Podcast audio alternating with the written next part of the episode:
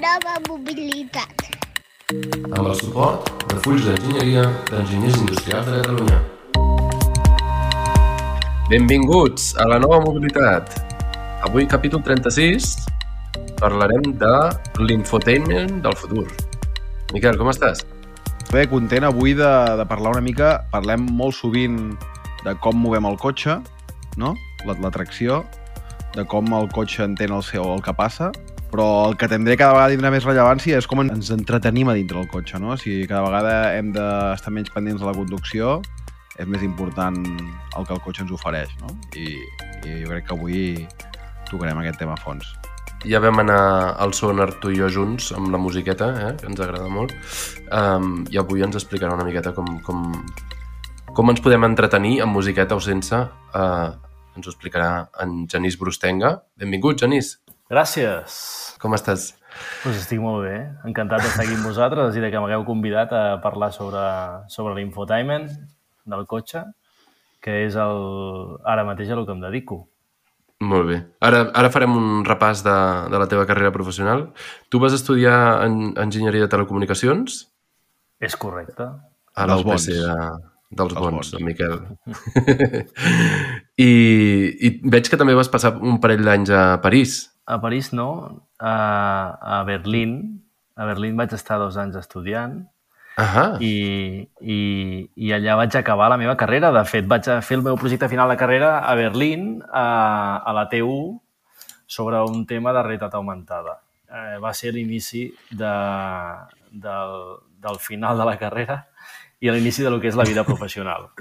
I la vida professional va començar també a Alemanya, perquè em vaig quedar. Vaig fer allà l'Erasmus per acabar la carrera i em vaig quedar allà buscant feina i vaig trobar-ne a prop de la zona sud d'Alemanya, que és uh a prop d'Ingolstadt, que ja us deu poder sonar el nom, perquè és on, on hi ha la, la seu d'Audi. I és allà on vaig començar. I vaig estar do, tres anys vivint allà, a prop d'on esteu ara vosaltres, que crec que esteu a Múnich. Si no Jo estic a Múnich, en Miquel... A... Múnich. Jo, Stuttgart, Tu, Stuttgart, molt bé. Doncs eh, allà vaig, estar, vaig començar la meva carrera, vaig començar fent de, de responsable de funcions del vehicle relatives a, concretament, doncs mira, la connectivitat, telefonia, el, el CD, si encara us en recordeu, això era un habitual, un clàssic en els cotxes, que es podia posar el CD, i la televisió també, perquè hi havia, eh, en aquells moments, els Audis portaven l'opció de televisió també, per mercats on això era permès, com el Japó i de més. Va ser llavors que vaig tenir l'opció de tornar a, a Barcelona. Vaig estar Mhm. poc temps a Barcelona perquè de seguida em van oferir l'oportunitat a mi i a la meva dona d'anar- d'anar-nos a viure a Xina. Va ser el 2012 que va, vam estar vivint a, a Pequín durant Mhm. dos anys. Jo vaig estar treballant per Volkswagen directament. La meva dona va venir enviada des de Seat. I, i, i concretament vaig tenir l'oportunitat de, de fer moltes presentacions a premsa allà. La meva feina era aquesta, una mica de comunicador de la que és l'estratègia d'electromobilitat de, de Volkswagen a Xina. Ho feia en tàndem amb el dissenyador i allà vaig aprendre una barbaritat. Uh, El 2000, això és el 2012, 12 al 14. um, sí. Del 12 i en aquell, aquella època um, la mobilitat elèctrica estava començant, eh, suposo que hi havia molt plug-in híbrid, no? Sí, us recordeu d'aquella època que ja es deia estar al caure? Que portem des de llavors fins ara encara dient-ho? Doncs ja anys, es deia, ja es deia el 2012 que estava al caure l'e- l'electromobilitat. Ara ens ho comencem a creure més. En aquell moment a la Xina era absolutament revo- un revolucionari parlar d'això i, i nosaltres encara en el grup Volkswagen estàvem anclats en la evolució i no la revolució, perquè el que fèiem era agafar els cotxes i evolucionar-los a l'elèctric, és a dir, agafar la- un cotxe de combustió i encabir-li com sigui en forma de T doble una bateria per sota, no? cosa que ara ja es fa al revés, es fabriquen els cotxes. Primer es posa la bateria i es fabrica el cotxe al redador, inclús usant, diguem, la, la, la, la rigidesa de la pròpia bateria per, per crear l'estructura del vehicle. No? I això ja es fa Mhm. avui, eh? com ha de ser, i no al revés, com en aquella època. No? Va ser Ha després plogut, del ha plogut 14. molt des del Ha 2012, plogut també. Eh? molt, ha plogut molt, sí, sí, ha plogut molt. Va ser per mi una gran experiència. Jo ho recomano a tothom de fer una estància a la Xina perquè aprens molt i et dones compte que el, el món té varia, més d'un malic, eh? Mhm. que no només n'hi ha una. després de la Xina vaig tornar, diguem, a Europa, però vaig anar a Alemanya, que era la seu, no? Jo estava treballant per Volkswagen a la Xina i quan vaig tornar a Alemanya, allà feia de responsable tècnic d'una part del vehicle, que era la part elèctrica electrònica. De les plataformes conegudes, eh, perquè hi ha milions i milions de cotxes que les porten, que són la MQB, modular QA Bau, Baukasten, i la MEB, quan va començar, llavors el que us explicava ara, de les plataformes elèctriques, que és aquesta concretament. No? L'MQB és d'una Mhm. plataforma, no és només de combustió. eh, és de de combustió. combustió. Vale. I la MEB és la plataforma elèctrica. I va ser Sí, en seria la, de, la quan del. Golf, no? La MQB Correcte. seria la del Golf i la MEB Correcte. seria de la ID, ID3, per Correcte, dir-ho, no? o el de Born. I el- i el- o i el nostre 4 Born. també? Born. La, El correcte, 4 no. Sí. El tots els IDs porten Vale. plataforma MEB. El que passa, Mhm. porten diferents, diguem, variants de la plataforma, però la plataforma és la mateixa. Sobretot a nivell de- d'arquitectura electrònica. Eh? Sí? Sí, sí, és sí. molt, que és molt diferent en, la, la plataforma, en, en, la, en el cotxe de combustió versus el, el cotxe elèctric, com us podeu imaginar. Mhm. No? Pels, pels actors presents en el vehicle, bàsicament. I Perquè no estem el- parlant aquí, per, perdona, no estem Sí. parlant de l'alt voltatge, sinó que estem parlant del, del baix voltatge, l'electrònica de... Els actuadors. els actuadors, sensors i centraletes disponibles en un cotxe elèctric són molt diferents de les que hi ha en un cotxe de combustió. Sí. En el cotxe elèctric es va fer un pas més que no tenia, va ser, es va aprofitar l'oportunitat de que es feia una plataforma elèctrica per dissenyar l'arquitectura electrònica d'una forma bastant diferent a la que teníem muntada en el món de combustió. I és que la, el món elèctric es va aprofitar per central, centralitzar la intel·ligència. Sí? Això era una cosa que en el passat sempre es pensava o es, es, estava, es dissenyaven els cotxes amb hi ha una funció, faig una centraleta, no? Això, hem fugit d'això per centralitzar la, la intel·ligència i, i desconnectar sensòrica i actuatòrica perquè executin el que diu el cervell. Ara tenim diversos de cervells, dos, dos o tres, diguem, però, però sens dubte hi ha una atomització de, la, de les decisions en un gran ordenador eh, del vehicle. No? Però això és una, encara una arquitectura per dominis, no? Això que parlem. És a dir, hi ha el domini d'infotainment, el domini d'assistència a la conducció, no? Com el següent pas és passar d'arquitectura zonal i central, no? El M- MEB encara és una arquitectura de dominis, no? Totalment, totalment, perfectament explicat. Sí, sí, és així. És així. L'arquitectura de dominis, correcte. I, de fet, el món en que estic ara és exactament aquest. És el món de l'infotainment, que es permet certes llicències de, de potser flexibilitat contra la robustesa perquè no es compromet temes de seguretat de vehicle, per exemple. No? I amb això doncs, tenim més marge i podem fer més coses i ens podem permetre doncs, algunes llicències més per donar més ser- servei al client, més velocitat, més flexibilitat i no haver de fer tanta robustesa o duplicar tant la informació per fer-la més segura. Jo començaria amb la definició aquesta del infotainment, no? Mhm. um, abans en Vale. parlàvem. Sí, doncs l'infotainment al final és un concepte que ha vingut definint el que és la interacció de l'usuari amb el cotxe, tant a nivell d'informar-se com d'entretindre's, no? Informació i entreteniment, infotainment, no? Que aquí, la, la paraula ve d'aquí, que, com us explicava abans, això des del passat eh, era minso i, i, i quasi irrisori, amb, amb un, un, un, amb uns leds de segments que t'informaven de la ràdio que tenies posada o, de, o del tal, i ara doncs, és un món infinit d'oportunitats que ens brinda el cotxe connectat, que és una mica el que canvia, el, el que fa el canvi de paradigma entre el passat i el futur. El cotxe connectat obre l'opció a, a, obre l'opció d'interès a, de grans tecnològiques eh, sobre un nou terminal, Mhm. que és el vehicle, al final. No? És un terminal més, en el qual pots accedir l'usuari, oferir-li coses, oferir-li contingut i interactuar amb ell. I això no passa desapercebut d'aquestes grans tecnològiques que ja han posat el nas i l'interès en intentar ficar-se amb totes les seves forces en aquests displays per controlar el que la retina de l'usuari eh, veu. Mhm. No? I és aquest el tema que a mi m'interessa- m'interessava comentar perquè, perquè estem en un punt que estem com en un punt d'inflexió. Si jo m'atreveixo un moment a fer una comparació amb altre sector també considerat clàssic com a l'automoció, que seria la banca. No sé si us, us, us podríeu imaginar el que ha passat amb la banca quan va arribar Apple o proposant a l'Apple Pay. Molta banca es va, es va fer enrere en el seu moment, va dir que les condicions que proposava Apple eren inacceptables. No? I inclús alguna banca va tirar pel dret i va dir no, jo em faré la meva pròpia plataforma de pagament. I, i el TWIP d'ING Direct s'ha anat al, al traste fa poc, no? El van tancar no fa gaire. TWIP es deia la plataforma que van idear. I mm. al final tota la banca ha acabat, ha acabat cedint i ha donat pas al, al, a l'Apple Pay com una opció més de pagament. Sí?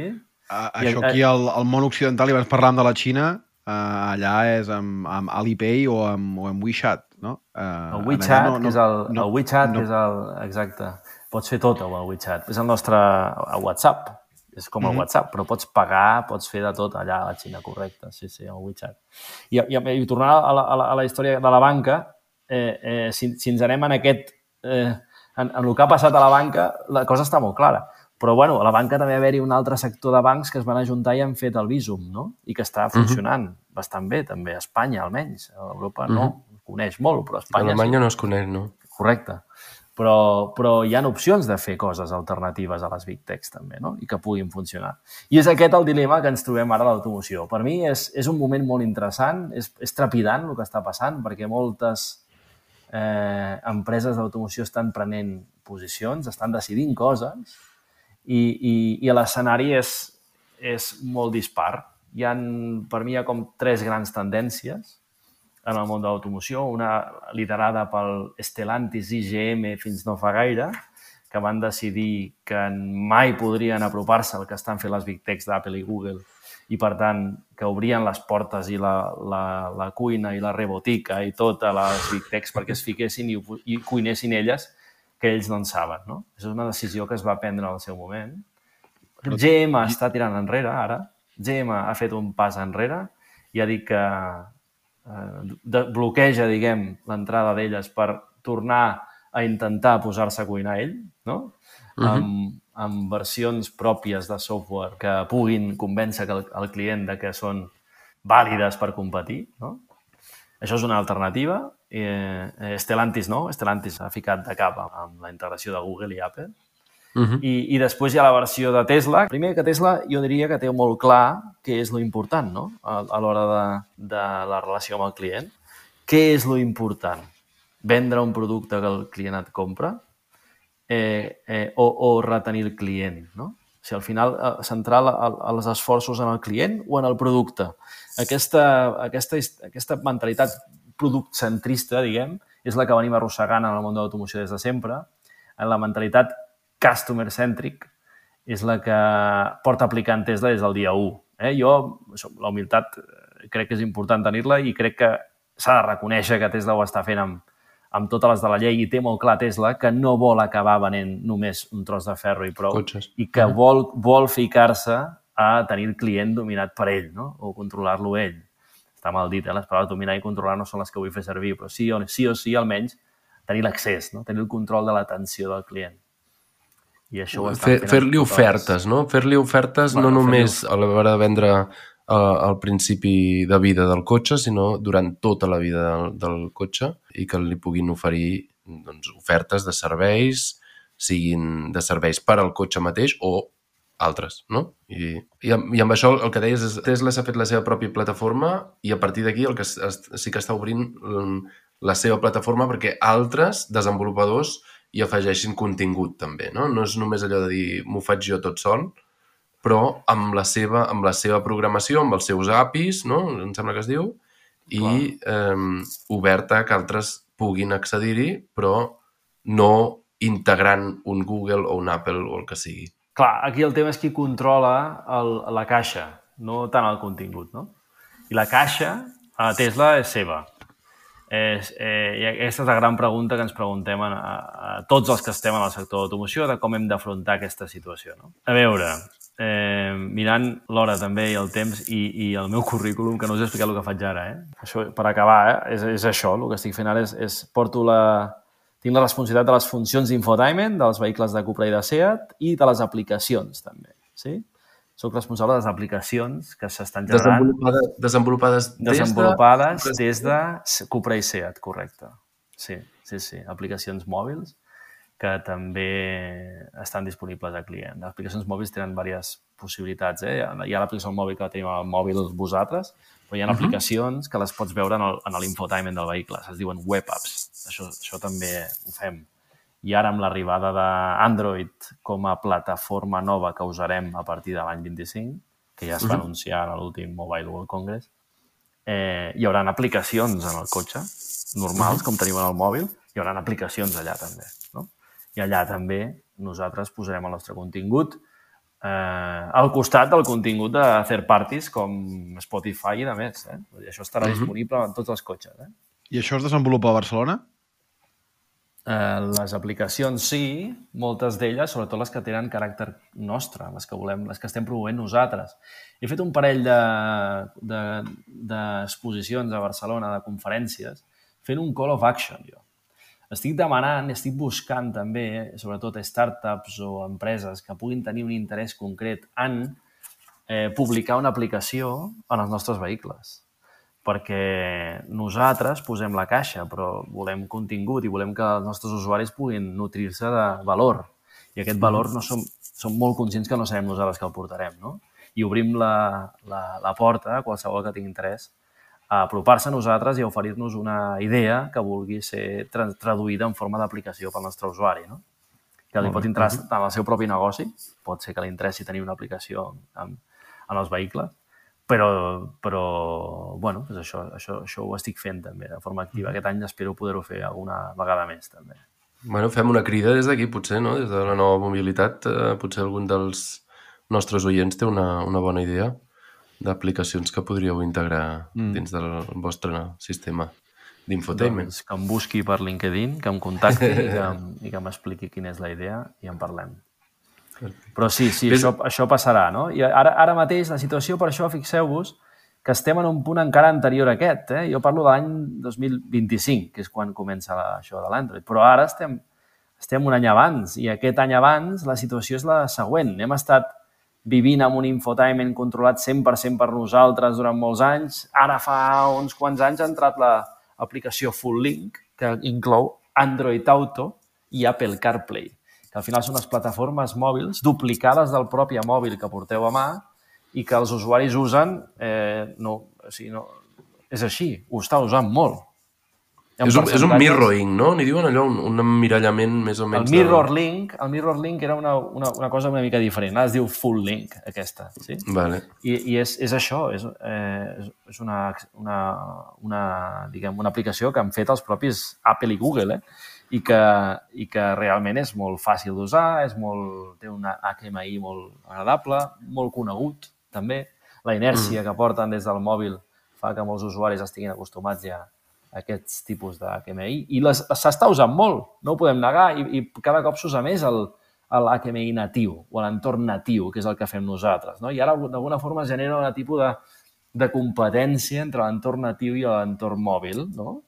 que, que hem de veure com acabarà, però, però, però està, està generant doncs, grans discussions en el món de l'automoció, grans discussions, perquè són l'inici d'una cosa que ha de venir, una decisió que s'haurà de prendre després, que és això, això de moment és compatible amb els dos entorns, però hi ha un moment que Google i Apple diuen bueno, si voleu fer servir el nostre, ha de ser exclusiu, no? buscar l'exclusivitat.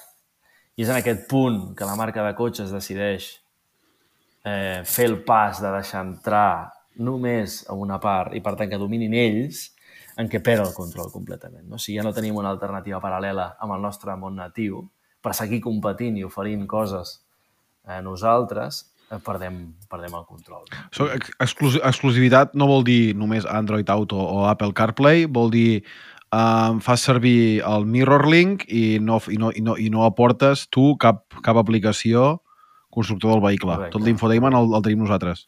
Oh. Correcte. Per exemple, Apple. Apple a final de l'any passat, no sé si us heu fixat, però fa, han, han, han, han comunicat a la premsa l'existència d'un eh, Apple CarPlay Next Gen, que li diuen, que en l'entorn nostre li diem fer right per alguna raó, no sé per què, potser és el nom intern, eh, Apple Ferrite, que el que fa l'Apple Ferrite és, eh, en el moment que l'usuari entra en el cotxe, totes les pantalles del vehicle es converteixen en, en Apple, no?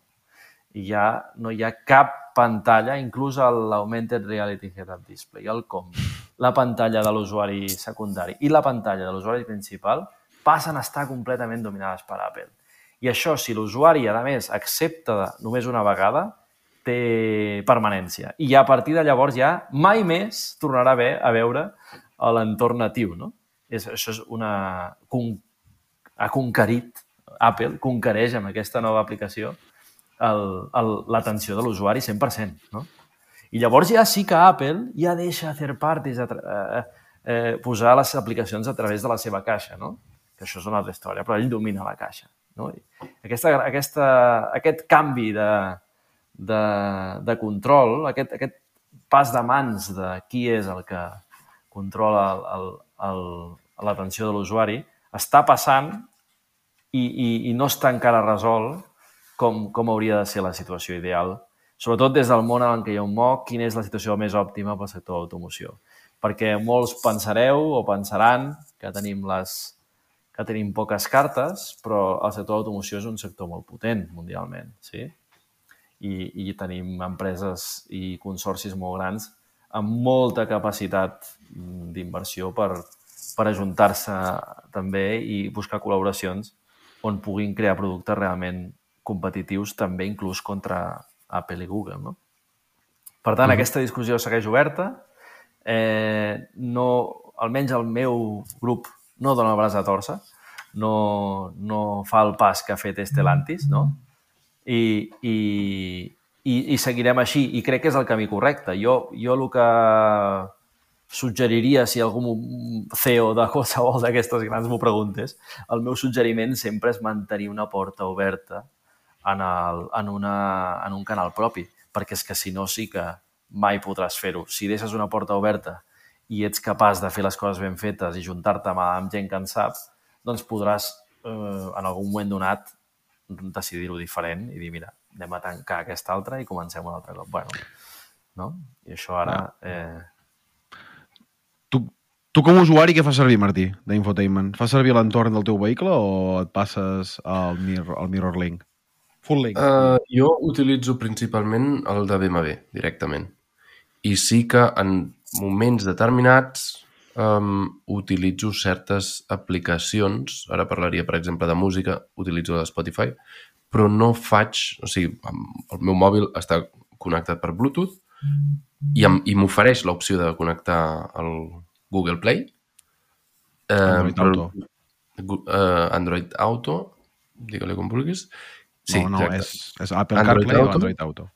Sí, Android Auto i ho faig molt poc sovint.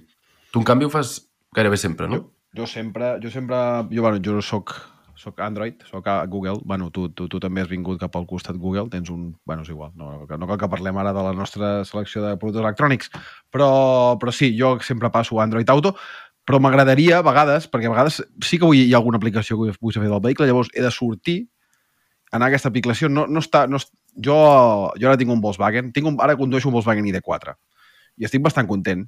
Hi ha algunes coses que van millor, algunes coses que no van tan bé, uh, però força content.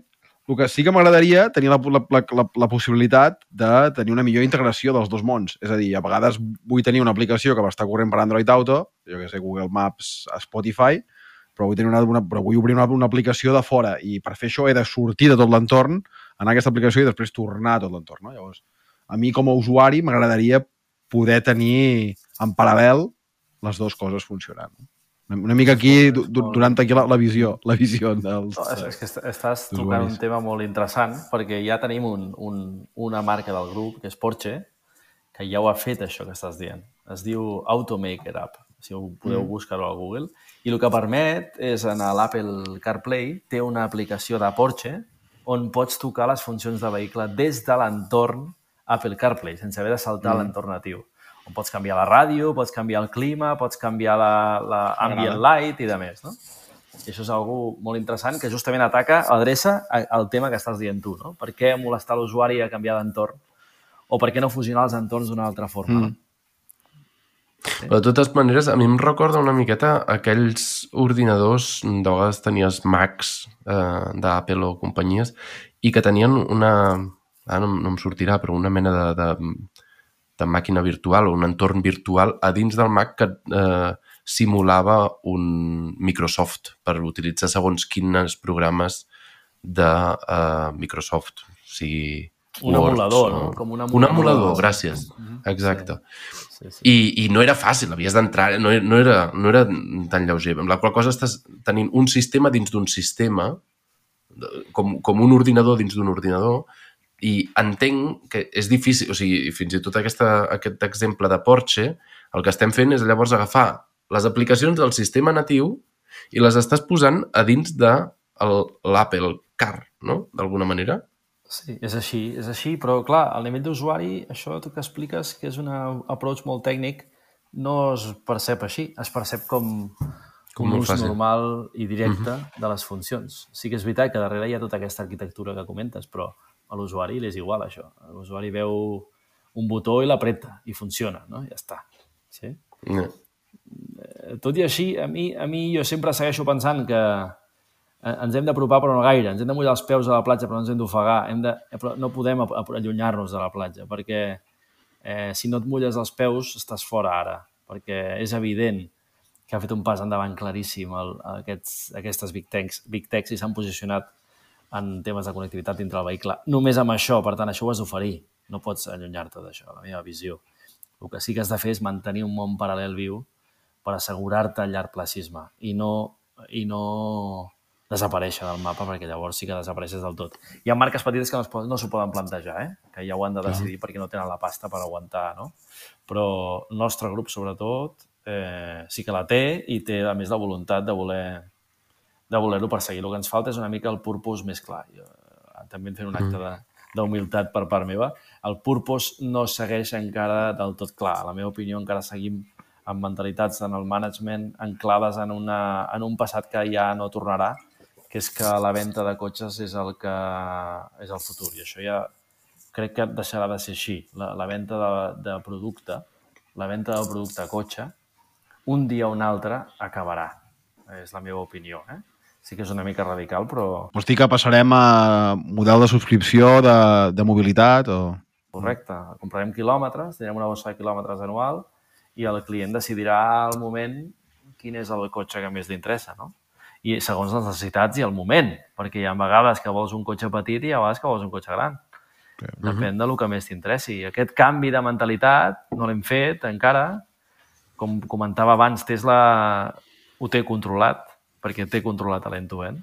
Per tant, no, no, no es preocupa gaire d'això. Quan arribi el moment ja farà el pas no? de, de, de fer el model de, subs- de subscripció. I nosaltres no estem allà encara, no passa res. Hem de seguir caminant cap allà i seguir fent lobby intern per convèncer tots els que toqui per, per preparar-se per això. Sí, perquè... I, Mhm. No, I a és la que, Xina- és que al final la venda i de producte individual és, és, eh, té un, eh, és finit, no podem seguir així, no? També està clar, a nivell de recursos, no, no podem estar generant producte nou cada any i, i, i de, fent dependre el negoci d'això. Crec que no, no és sostenible. No, ja no dic sostenible de, de, de sostenibilitat eh, ecològica, que Mhm. tampoc ho és, però ja dic sostenible a nivell que no ens ho aguantaran els clients, això. Eh? Cada Mhm. cop hi ha un 10% cada any menys de gent que es treu carnet de conduir. Cada Mhm. cop Déu-n'hi-do. el, el cotxe de- ha deixat de ser un estatus. Ja- ja no és un estatus. Els que se'n és- treuen tenen menys ganes de, exacte, del que dius tu, no? De, de, de, de, de mostrar estatus a través de comprar-se un cotxe, sinó que volen només Correcte. satisfer les seves necessitats de mobilitat d'una manera més flexible, no? Correcte. Per tant, jo- jo també crec que anem cap aquí, no? sí, sí. Sí, sí, sí, exacte. I això anirà com això que, que tu estàs fent, que és el cotxe autònom, que serà, marcarà el gran, el gran canvi no? amb, amb tot això. Però això serà directe, eh? L'arribada al cotxe autònom serà automàtica amb el model de subscripció, jo crec, eh? Serà molt, molt ràpid, llavors. Clar. I, i això a la Xina, tot això, que, com, des de la Xina es veu, es veu com, com diferent, perquè a la Xina, com podeu imaginar-vos, no s'apropen ni intenten apropar-se a Apple i a Google per qüestions diverses. No és veritat del tot, perquè BYD a Europa sí que té Apple CarPlay, per exemple, Sí, És l'únic, I és l'única. Android, Android Auto, Android Auto I també. Android sort, Auto. sí, sort que el tenen, eh? Perquè si no hauria patit amb el BYD Auto 3. Però és Integració. l'única marca xina que ha cedit, i no sé com, eh? perquè com ho explica això que és la seva, però, però ho ha fet. Bueno, Sí. el Warren Buffett, Bueno. el Warren Buffett és el- l'inversió un dels Ah, perquè, no, més grans. perquè fins ara no, no invertien tant en software intern, ara ho estan canviant una mica, això. Ja. Però deixar entrar Google als seus cotxes, bueno, té la seva història, no? Perquè al final és la... I, i, I a les altres marques xines, la majoria de marques xines és molt sorprenent que està, està agafant al mercat una tendència, una inèrcia molt diferent a Europa o, a, o al sector occidental. I és que cada marca fa el seu infotainment. Eh, no, no hi ha una, una idea de Google o Apple a Xina que s'estigui imposant transversalment a través de diferents marques. Baidu, O o no Baidu i. Tencent no, no tenen solucions... No tenen solucions per vehicle que siguin, diguem, mm, que es puguin traslladar, no? Això mm. deu passar també perquè, perquè els mòbils, també el sector del mòbil és diferent a la Xina. Eh? El sector del mòbil està molt dominat per Apple, també. Hi ha molt Apple a la Xina, en, el, en el, a la usabilitat electrònica de la Xina. Però a part també hi ha molt, molta marca xinesa, eh? moltíssima.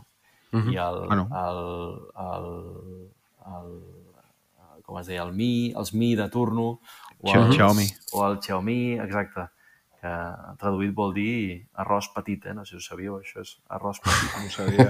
Xiaomi. I, I sí que hi ha molta marca d'aquesta, però aquestes no estan apostant pel sector de l'automoció com ho estan fent aquestes grans.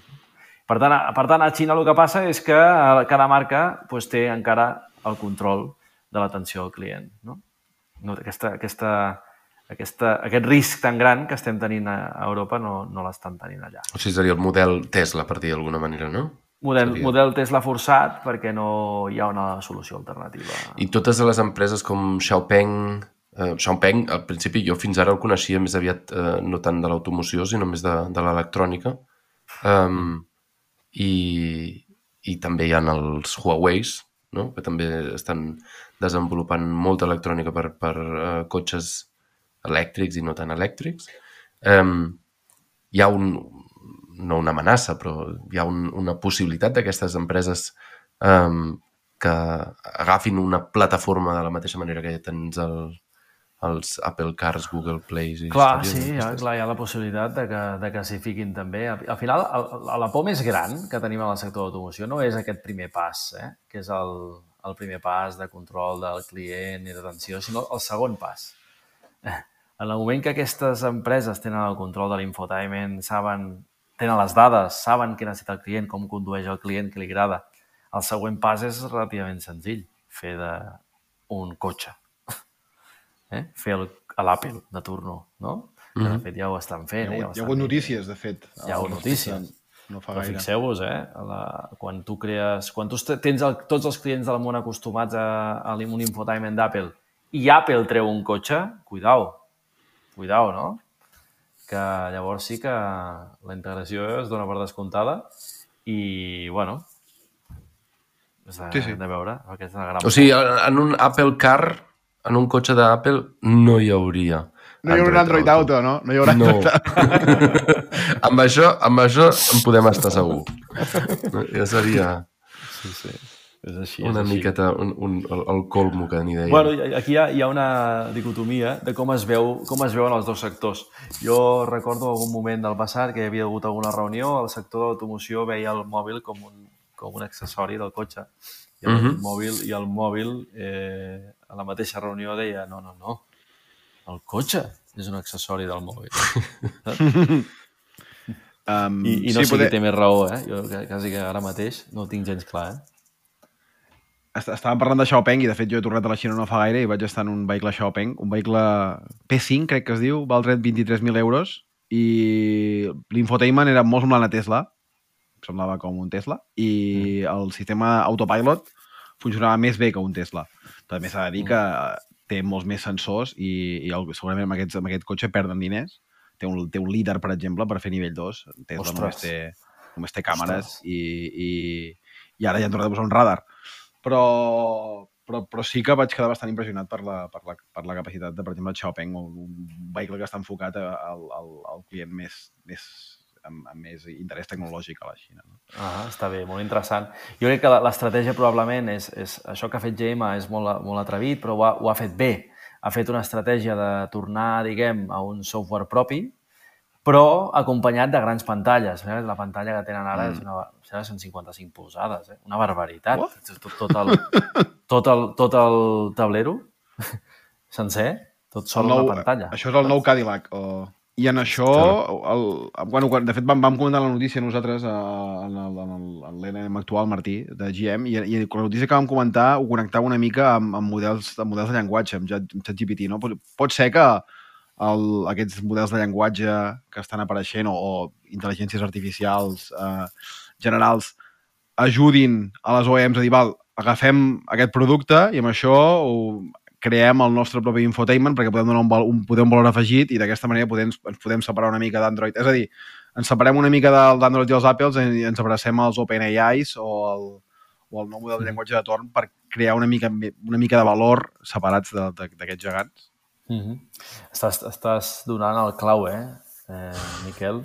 Uh, en el CES d'aquest any, d'Estats Units, el grup Volkswagen ha anunciat una acció amb Cerence, que és el, el proveïdor del motor de, de speech del grup, d'incloure ChatGPT en tots els vehicles. I això serà una realitat en sis setmanes ja. Perquè és un Ostres. canvi que té lloc que té lloc només a, a, a la part de backend. No han de tocar els cotxes per Mhm. fer-ho. I per tant és molt senzill. Eh, La part de backing està. voldria, vindria a dir el núvol? Correcte, el núvol. No? El núvol és on totes les peticions de speech eh, es llancen per, per ser respostes. I ara el que fa Cerence és preveure darrere del seu, del seu motor un accés a, a, a ChatGPT per poder tirar de respostes d'intel·ligència artificial. No? I d'aquesta forma millora moltíssim la comprensió, més que res perquè el vocabulari es multiplica. No?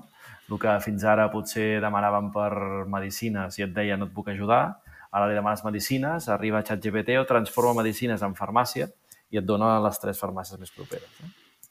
I això, dius, en, en, en setmanes passarà Sí. a ser per tot el grup Volkswagen? O, bueno, o Sí, pa, sí, pas sí. per pas? O... Sí, sí. Sí, sí, Ah, sí, doncs- sí, sí. Doncs, doncs ho, ho comprovaré. Mm -hmm. Pots mirar-ho, eh? No estic fent cap, cap anunci en primícia, em sap greu per vosaltres i pel vostre d'allò.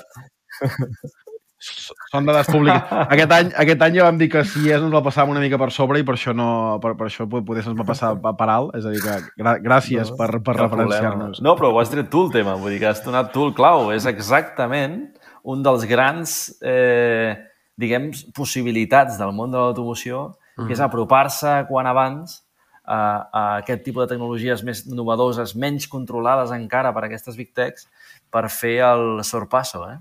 Sí. Però això vol dir que no, no caldrà ni un, ni un update over the air d'aquests? Perquè si es passa tot en el, en el No, backend... no, no, no. En vull aquesta primera step, hi han dos steps previstos aquest any. Eh. Aquest primer step no. En el primer step Vale. no. Llavors hi ha la capacitat de diàleg, que ve en un segon step. Una capacitat de diàleg el que fa és que el sistema se'n recorda de la conversa que has tingut a, a la frase anterior, eh? preguntant, per exemple, em, quan, quina tela va Barack Obama, i et diu la resposta, i després li dius, i què hi ha de la Michelle? Clar, necessita el context. Necessita el context. Llavors el sistema sap que, la- o relaciona que la Michelle és la dona del Barack i llavors et parla de la Michelle i ja sap el sistema. No? Aquest, aquesta capacitat de diàleg, que és una, un pas més no? a, la, a, la, a la intel·ligència artificial i amb, amb la conversa, això també ho tindrem, però no en aquest primer pas, sinó en un segon pas, també aquest any 24, per això. Molt bé. Doncs felicitats Um, per aquest, uh, aquesta innovació. Un, un altre tema, bastant, bastant separat, eh? però crec, crec que pot ser interessant, no sé tu a, quin nivell el toques, però el, el tema és la, la validació d'aplicacions. No? Estem parlant de sistemes molt complexos de software que, per tant, sempre hi haurà algun bug, sempre hi haurà alguna cosa que no funcionarà i tot i això ho has de llançar al mercat perquè si t'esperessis a validar-ho tot, no ho llançaries mai. Pots parlar una mica de com, com, com es gestiona això? Perquè això sí que és molt diferent del món clàssic del vehicle, no? El món clàssic del vehicle, tu no podies permetre acceptar que estàs llançant una cosa que saps que en algun cas no funcionarà, no? I ara ho has de fer, perquè si no, no ho llançaràs mai. Super tema també, no? Per això es nota que tu tens una mica de background del, del, del sector perquè, perquè és una gran història, això que comentes. El sector d'automoció està acostumat a llançaments de vehicles a error zero fins mm -hmm. fa 20 anys. Sí? L'arribada del software eh, fa un, posa un punt d'incertesa al que no estem acostumats. Eh? No estem acostumats als departaments de qualitat, als departaments de... els que fem les lliberacions, no estem acostumats a, aquest, a tenir un remanent d'errors sempre eh, allà que no te'l trauràs mai. No? I aquesta, això és molt difícil de gestionar. Eh, aquí hi ha molt treball intern, d'organització interna, eh, per lliberacions formals, molt, molt treball intern, però jo crec que s'està fent bé. Sí que és veritat que ha estat més complicat en aquests anys passats, però ara en aquests llançaments ho veureu, el, el, almenys els nostres, els tenim eh, brutalment millor. O sigui, fem, fem uns llançaments amb una robustesa molt més alta, però, com bé dius, mai error zero. I això ni ho pretenem, ni ho volem, i, i ho diem ben clar. El que sí que fem eh, és la introducció de- d'updates over the air, que el que ens permeten és aquesta millora contínua a la que ja tenim acostumats els usuaris amb els mòbils. I això ho tenim ja en marxa, ja tenim la possibilitat de fer-ho. No llancem cotxes que no siguin Oru Ready, que es diuen, que són Oru. Oru és la capacitat de- d'update over the air. Mm. I, per tant, tirem de llançaments de cotxes amb una robustesa eh, suficient i updates over the air continuadament amb solucions de bugs i introducció de noves funcions. De tal forma eh, que no només solucionem temes del carrer, sinó que el, el valor remanent del cotxe, allò que es deia abans, et compres el cotxe, el dia següent val la meitat, eh, també ens fiquem en això, perquè quan tu ets capaç de ficar noves funcions, es revaloritza d'alguna forma el producte. I ja no vas en aquestes baixades tan bèsties de valor, sinó que pots inclús influenciar amb això posant en funcions noves i revaloritzant el valor del vehicle que has comprat tu mateix. No? Mhm. I en, en aquestes estem, no? En aquestes estem. Per mi és la conjunció de les dues coses. Ser capaços de, de fer llançaments de software robustos, que això és una que hem hagut d'aprendre, i, a, i, a, i, i conjugat amb una gestió de lo que és el post el post-llançament, que això és importantíssim per mi, tan important com el propi llançament, mantenir el desenvolupament viu. És, Eh, és curiós perquè és una cosa que com, com a usuari també ho, ho he notat amb, amb, el, amb el vehicle que porto amb l'ID4, ho he notat bastant en els últims mesos, amb l'infotainment. Uh, al principi anava bastant lent. Després va deixar d'anar lent, però es penjava de tant en quant. I ara ja no va tan lent i no es penja. És a dir, que han, han anat fent patxes que han anat solucionant una cosa, però uh, es petllava l'altra i ara va en general tot, tot bastant bé. Per tant, aquests over the air és una cosa que l'usuari també va experimentant com, com Però crec, com crec que tu com a usuari, el fet de que sàpigues que hi ha gent darrere treballant en el teu infotainment i que et dona, mm. i que, i que, i que et dona solucions als temes, no? És és una sensació molt bona, no?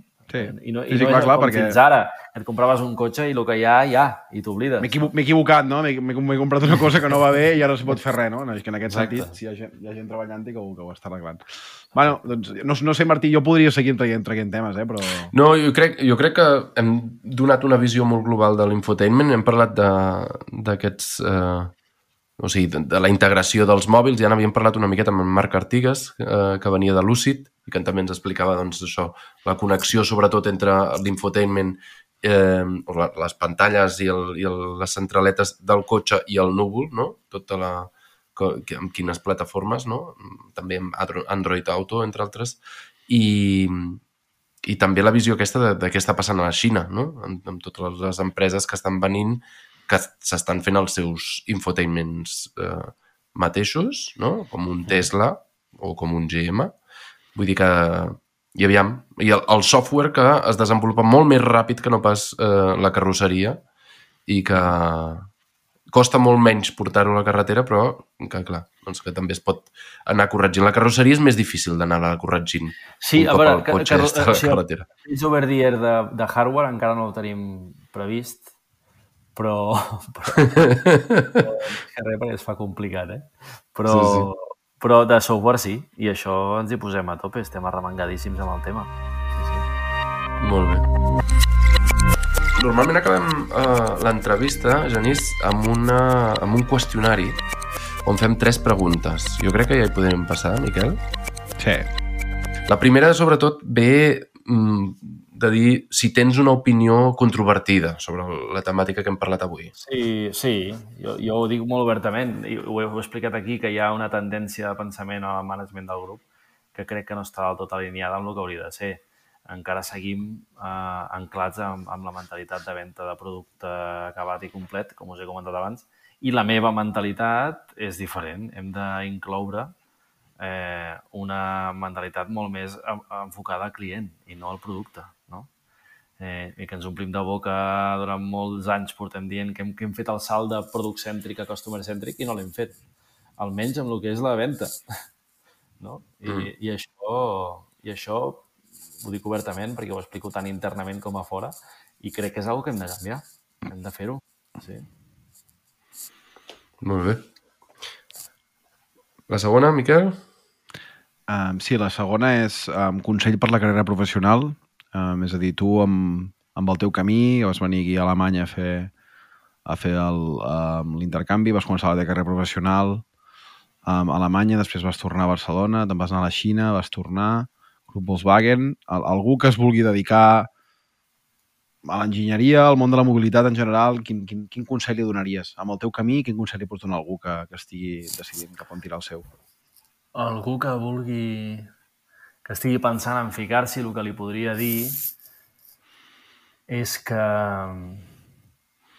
és que no es posi límits i que deixi que siguin els altres que li posin, si és que li posen, perquè es donarà compte de que, de que està molt més lluny del que es pensa i quan et planteges de marxar a la Xina o et planteges de marxar fora eh, eh, eh, el, el benefici que, és, que hi ha és molt més gran sempre que el, que el, que el risc que corres. Per tant, jo aconsello fermament a qualsevol jove amb empenta i ganes de tenir una estància a l'estranger eh, llarga eh, per empapar-se del món amb una visió diferent a la que tenim aquí per, per augmentar el seu cercle no? i augmentar les seves, les seves perspectives i veure que, que, que, que tenim molta capacitat. Jo, jo dono fe de que el, el, els enginyers d'aquest país tenen un potencial tan gran com qualsevol altre enginyer d'Europa. I això ens ho hem de creure, eh? perquè mm, a vegades amb Alemanya, si vosaltres heu estat a Alemanya ho veieu, esteu a Alemanya ho veieu, que encara hi ha com una... Es veu, es veu Alemanya amb una, amb una visió innecessàriament altiva, no? És, es veu com els alemanys amb, amb una perspectiva que és eh, inclús danyina per nosaltres, no? Jo, jo no, no és així. A Alemanya, quan hi vius i hi ets i vius, et dones compte de que hi ha, hi ha gent de tot tipus i de totes maneres i, i que no tenim res a envejar amb el coneixement que podem tenir aquest, aquí, no? Mm -hmm. Molt bé. Lliga molt aquesta, aquesta resposta i motivadora um, amb, el, amb la tercera i última pregunta, que és um, com veus el camp, diguem-ne, de la mobilitat, però també especialment potser de, de l'infotainment i d'electrònica uh, en el nostre país, a Catalunya? Eh, jo segueixo insistint, faig, faig des de fa temps, en, en convèncer-me de que Barcelona és un hub eh, eh, importantíssim de generació d'aplicacions, aplicacions mòbils. I això ens ha de donar una oportunitat amb l'entrada del nou sistema operatiu a partir d'aquí dos anys que comentava abans d'Android Auto en tots els vehicles del grup fem 10 milions de cotxes a l'any, un mercat brutal. Eh, eh, que la conjunció de Barcelona amb aquesta oportunitat ha de generar fruit. Ha de generar fruit. Hem de ser capaços de, de juntar el que sap fer Barcelona amb el que necessitarà el grup Volkswagen.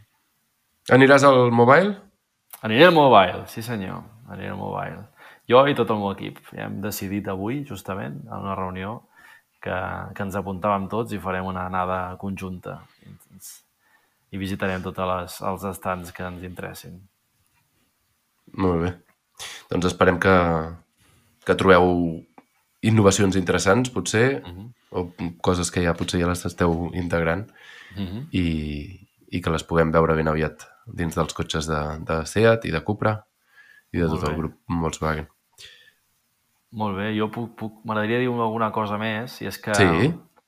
i és que us volia felicitar, nois, perquè esteu fent Ai. un, un podcast en català sobre tecnologia i això no n'hi ha molts. I tot això que esteu fent per mi és, és una gran tasca que apoya tant eh, l'idioma que parlem com a també el, un tema tecnològic molt interessant, eh, que, que són els que esteu parlant. M'han escoltat molts abans de venir a, a, ara aquí amb vosaltres i realment esteu fent una tasca molt, molt, molt bona i us felicito els dos.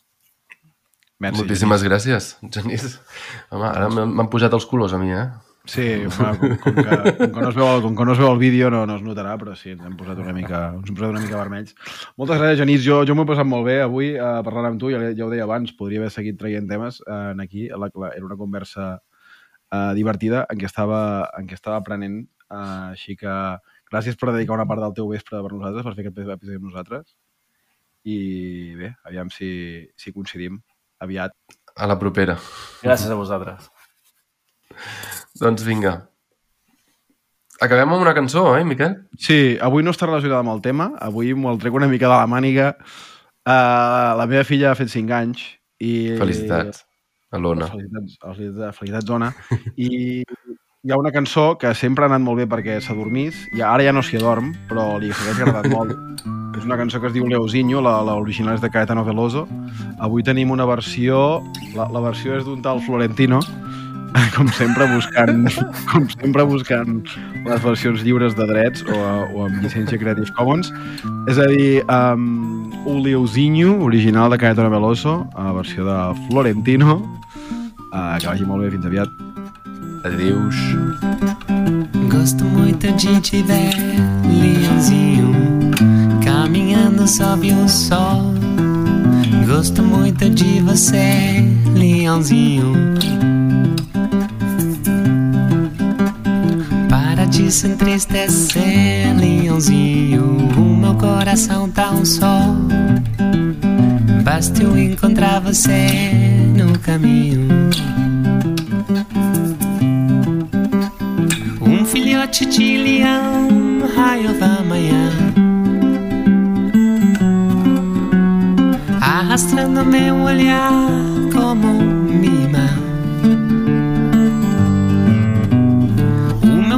coração é o sol partido da cor. Quando ele lhe doura a pele ao leão. Gosto de te ver ao sol, leãozinho. De te ver entrar no mar. Tua pele, tua luz, tua chuva.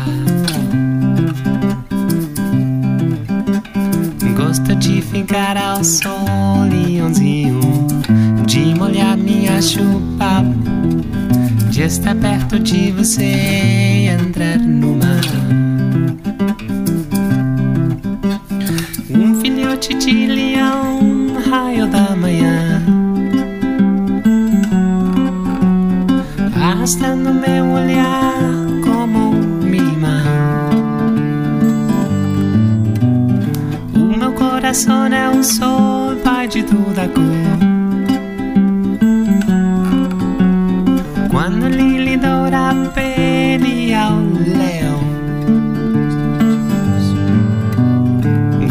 de te ver ao sol, leãozinho. De te ver entrar no mar. Tua pele, tua luz, tua chuva. gosto de ficar ao sol, leãozinho, de molhar minha chuva, de estar perto de você, entrar no